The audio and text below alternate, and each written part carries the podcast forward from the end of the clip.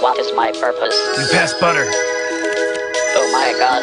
Hvad er hemmeligheden, om man må spørge? Det er en lang historie, fru Jul. Der har ved Gud ikke været lutter lavkage og dans på roser. Let's go see if we can make this little kitty purr. Oh, look, I have a mask helping me, too. Yeah, welcome to the club, pal. Finish him. 60% of the time, it works every time. Without doubt, the worst episode ever. Velkommen til Række 8's julekalender om 2010'ernes bedste film. En julekalender, hvor vi hver dag frem mod juleaften den 24. december tæller ned en film ad gangen til vores bud på den bedste film fra det snart forgangne år 10. Og i dag så er vi kommet til den 7. december. Yes. Og bag loven her, så gemmer der sig en film fra det, netop dette år. Og en film, som vi i forvejen faktisk har snakket rigtig meget om her for, i en podcast for ekstra længe siden. Nemlig i episoden, f- episode 65 af række 8, hvor vi havde vores Quentin Tarantino special. Ja. Øh, I anledning af, at Quentin Tarantino netop havde udgivet sin 9. film, nemlig Once Upon a Time in Hollywood. Den her øh, fantas- fantasisering, øh, Quentin Tarantino tager af en øh, tidsperiode i Hollywood, Old Hollywood, som, øh, som man selv snakker rigtig meget om øh, i, op til, i øh, optag til filmen. Hvor vi følger øh, nogle dage i livet af, af den sådan lidt falderede efterhånden skuespiller Rick Dalton, spillet af Leonardo DiCaprio, og hans øh, stuntman Cliff Booth, spillet af Brad Pitt. Samtidig med så øh, øh, ser vi også lidt den virkelige karakter og virkelige skuespillerinde, Sharon Tate, øh, sidste dage. Øh, hun blev øh, meget, meget kendt i virkeligheden, slået ihjel som en, øh, et offer for øh, Manson. Øh, Ja, Manson-familien. Manson-familiens øh, murder spree tilbage øh, i det, var, var det 68? Uh, smider jeg et årstal ud pludselig. Mm, Ja. Kaster jeg et årstal op her. 69. 69. Tæt ved. Øhm, og, øhm, og det er jo på mange måder, ja, vi, altså, vil man høre rigtig meget om den film her, så kan man jo lytte til episode 65 af Ja. Række 8. Men, øh, men vi har taget den med her, fordi at det var en af de film, vi øh, begge to synes var super gode fra, øh, fra 2019. Øh, og også dermed en af de bedste i, øh, i det her årti.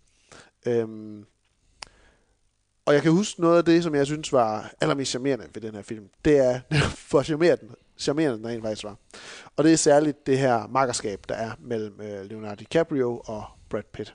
Og apropos makkerskab, så kan du i dag vinde to billetter til Nordisk Film Biografer. Det kan du ved, at du øh, i øh, opslaget til dagens lovekalender, eller hvis du går ind på vores øh, række 8 Facebook-side, du må gerne lige give siden et like eller et follow, hvis du har lyst til det. Men så skal du også øh, skrive en kommentar med øh, det bedste filmmakkerpar, du lige kan komme i tanke om. Og hvordan du fortolker filmmakkerpar, det er helt op til dig. Jeg kan for eksempel godt lide Bud Spencer og Terence Hill Ja, i de her gamle Sluppertævn-film. Eller danske film med øh, Aarhus Sprogø og Dick Passer, for eksempel, kan jeg Ja. også godt lide. Starsky and Hutch. Starsky and Hutch er også et makkerpar. Man har lyst til at sige. Ja. Uh, Ant-Man and Wasp.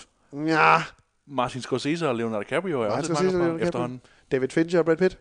Vil jeg gerne se igen snart. Ja. Der er mange forskellige typer af makker, par og makkerskaber inden for filmverdenen. Ja. Vi vil gerne høre den bedste fra dig af. Yes. Og øhm, gør du det, skriv det inde i kommentarfeltet på enten opslaget til i dagens episode, dagens lov, eller på Reoles Facebook-side.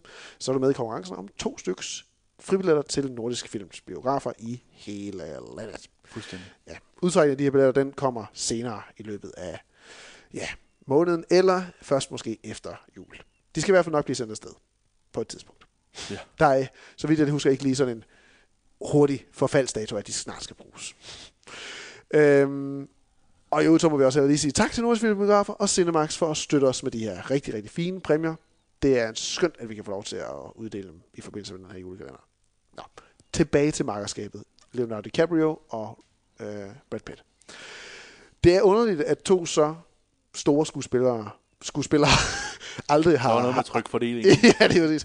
Aldrig har spillet sammen før. Øhm, og jeg ved ikke, om det er sådan den der for meget lækkerhed på en, en gang, det, øh, det, det kan man næsten ikke holde til. Det er lige før jo også med den her film, fordi uh, altså Brad Pitt, det er som om han bare bliver, bliver bedre med årene. Både i sit skuespil, men også i sit udseende. Der er noget med ham som Cliff Booth, der er sådan udødeligt på en eller anden måde. Og det, det går så ifølge igen med, hvordan karakteren øh, er portrætteret, fordi han lader jo til at kan, klare sig igennem, uanset hvilken som helst situation, han skulle møde. Det er jo en film, der er stopspækket med, øh, med mange fede scener.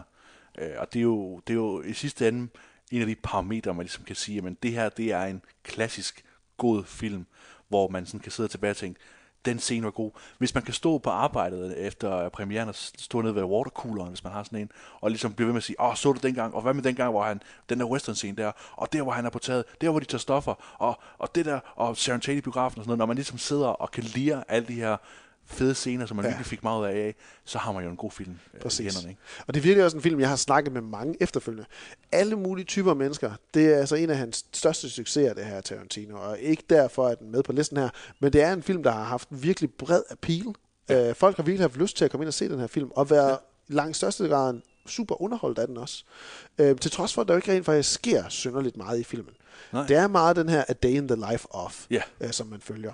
Men når man er i så godt selskab, det er rigtig meget en chill og en hyggefilm, mm-hmm. så, så, så behøver der ikke nødvendigvis ske særlig meget heller.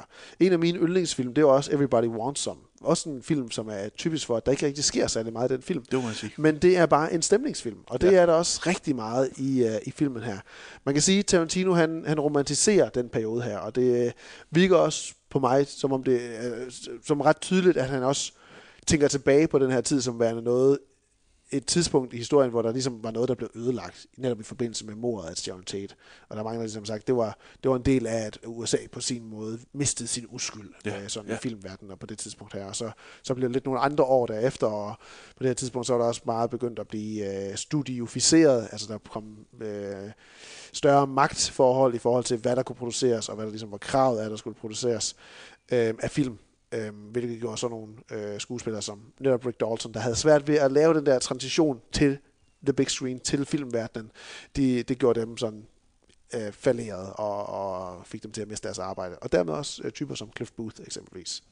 Øhm, så det er tydeligt, at han har en forkærlighed for den øh, tidsperiode her. Men alligevel så er der bare den, den er jo lavet med så meget kærlighed, den her film, lader det til. Men han har også brugt utrolig mange år på at komme frem til, hvordan den skulle være. Hørte jeg i en podcast for ikke så længe siden, hvor han sad og blev interviewet ja. af, af Paul Thomas Anderson, en anden instruktør. Øhm, og han snakkede netop også om den her, altså for mig der er Cliff Booth øh, MVP i, i filmen. Jeg er mhm. simpelthen vild med alle scener, jeg har med Brad Pitt i den her film. Hvor han snakker meget om Cliff Booth-karakteren, og ligesom synes, at han havde den her idé om den her stuntman, og han skulle have nogle ar og så videre, og han, han kunne rigtig godt tænke sig Brad Pitt for rollen, men han havde en meget sådan lang snak med, med Brad Pitt om, hvorvidt, om han ikke, om, om han ikke var for pæn til at skulle spille den rolle her. Om, om, hvad han synes om det. Om, altså, du har, du, du, er jo, du har jo movie star looks, det ved alle. Hvordan kan vi få dig til at virke troværdig i en rolle, hvor det er, du på ingen måde kan få, få scenetiden med dit ansigt? Og så jamen altså, vi gør, hvad end det skal være. Vi får et, et ar her, og make-up'en må gøre sit og så videre. Og han er jo en, en believable stuntman. Og han har jo, der bliver så tillagt en forhistorie til ham, der ligesom gør, at okay, det er derfor, at ja. øh, folk ikke rigtig giver ham nogen, øh, noget arbejde andet end hvad Rick Dalton kan skaffe ham selv. Og DiCaprio i sig selv er et powerhouse i filmen. Ja.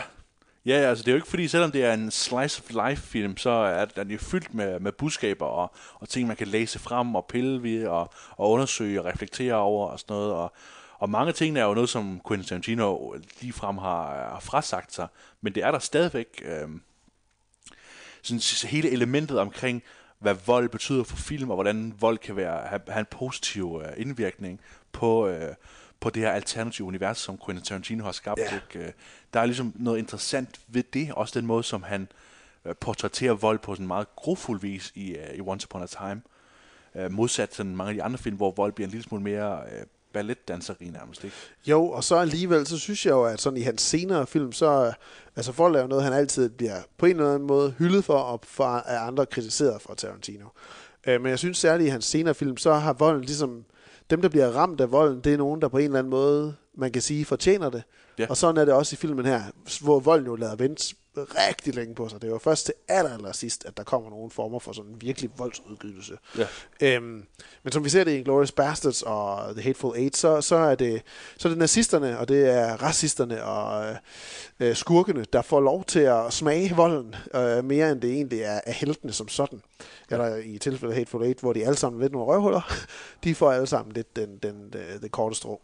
Men i Once Upon a Time, så er der bare nogle så klare, tydelige, gode karakterer, som vi ikke ønsker noget ondt skal ske for.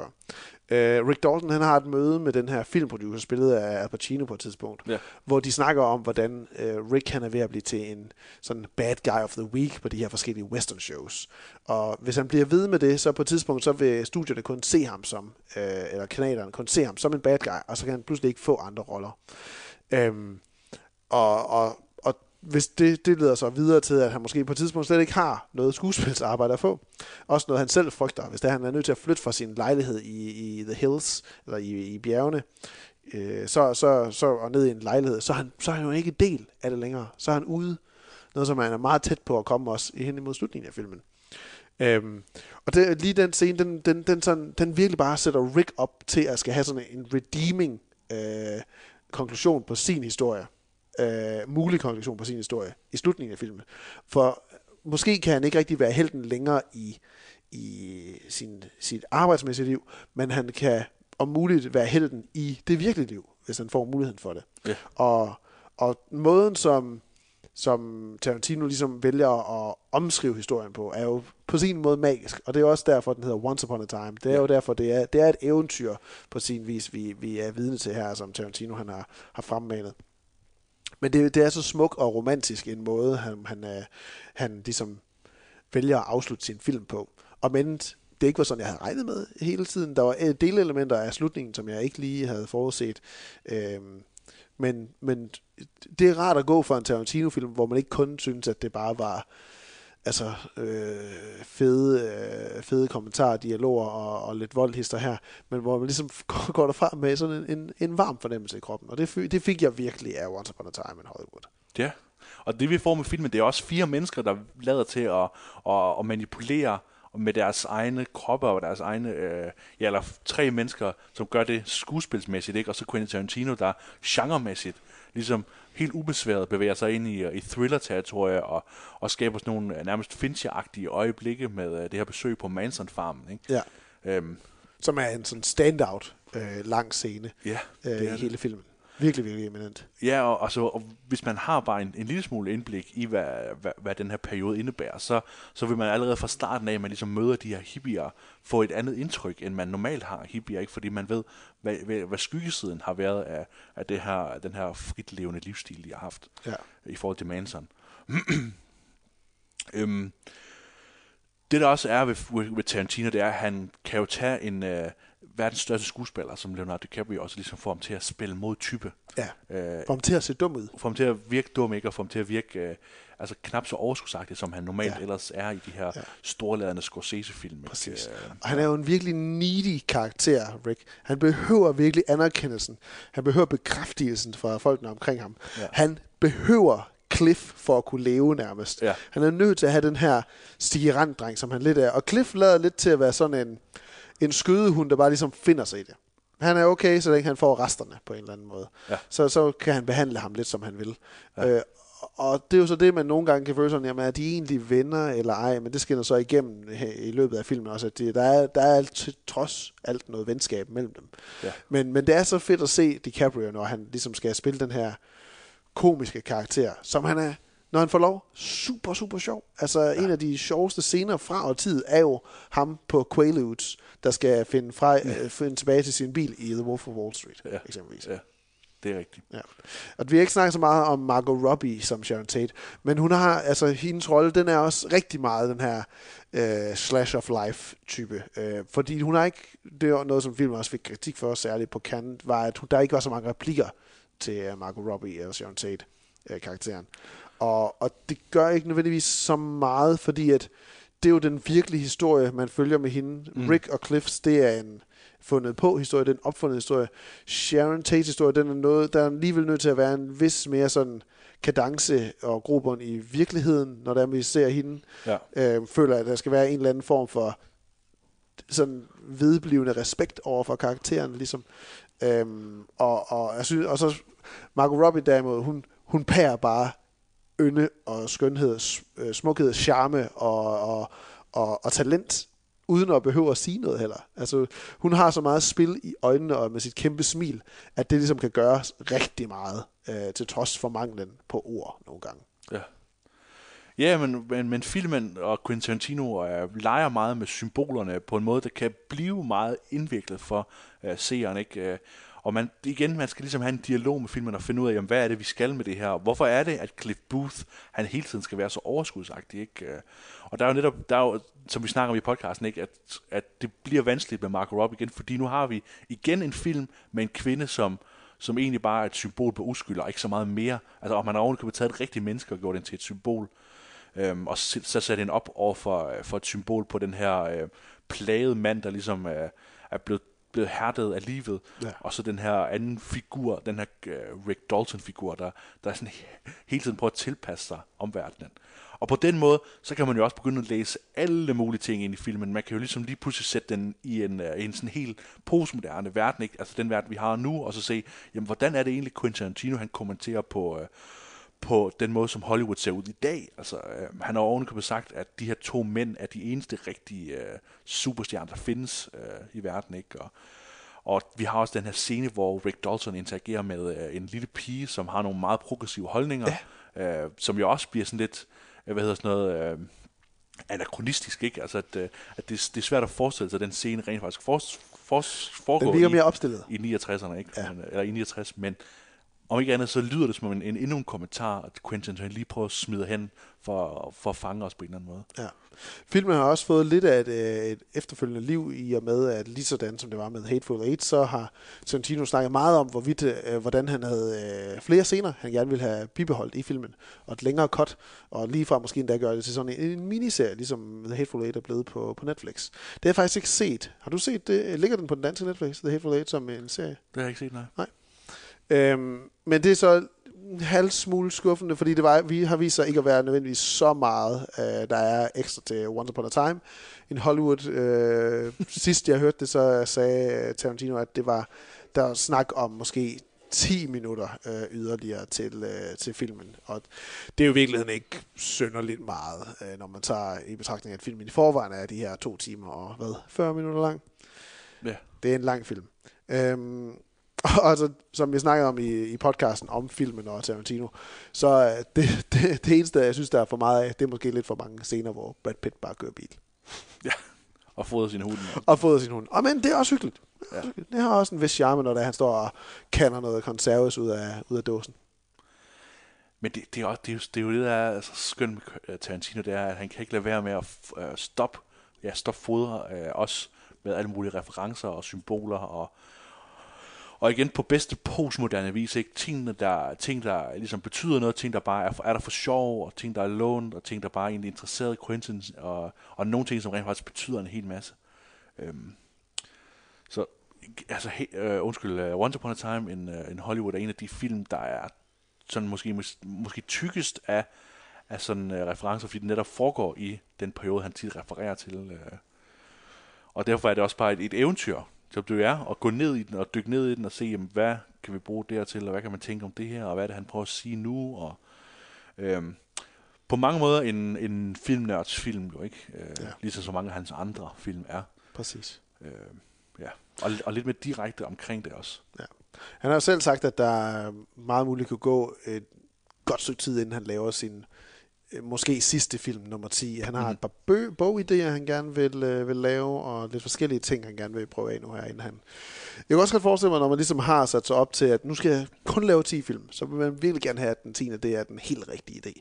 Ja. Så er det ikke nødvendigvis lige Star Trek, øh, det bliver. Nej, selvom man har snakket om det. Selvom man snakker om det. Det vil, det, vil, det, det vil sgu være mærkeligt, men who fucking knows. Han er også lige blevet far. Det kan jeg skrive under på. Det tager også noget af sin tid, Ja, okay. kan jeg lige at sige. Nå, nå.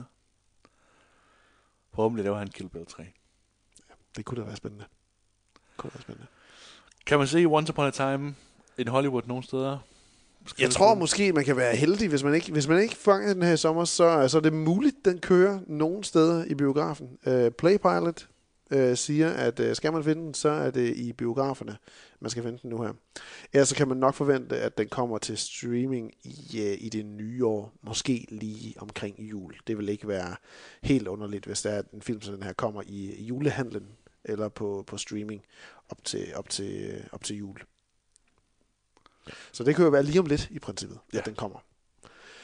Men øh, det var dagens øh, julekalender love. Øh, som sagt, så er der to Nordisk Film Biograf fribilletter øh, på højkant. Alt, man skulle gøre, det var at gå ind på kommentarfeltet til videoen til i dag, øh, dagens love, eller på øh, Radio Facebook-side og skrive det bedste filmmakkerpar ifølge dig. Og det kan som sagt være fri fortolkning, hvad du anser som et filmmakkerpar. Det kan også være Mushu og den lille øh, Cricket fra ja. Mulan. Ja. Jeg sad og så øh, scenen øh, Rigtige Mænd fra Mulan her med Nora, min datter, lige her den anden dag, og sagde, det der, han, den lille røde drag, han hedder Mushu. Hvad hedder lille myre? så der var det kommet til kort. Jeg kunne ikke huske, hvad den lille Nej. myre, hvad den lille cricket hedder. Den har ikke, den har ikke navn så meget på det. Nej. så. Jesper får den. Ja. Men øh, du kan i hvert fald øh, deltage i en konkurrence om to øh, fribilletter dertil. Det er du meget velkommen til at gøre. Det vil vi rigtig gerne have, du gør. Vi vil rigtig gerne af med de her fribilletter. Øhm, det må være dagens øh, julekalenders love. Ja. Vi, øh, Vi løses ved i morgen. det gør vi. Glædelig jul. Glædelig jul.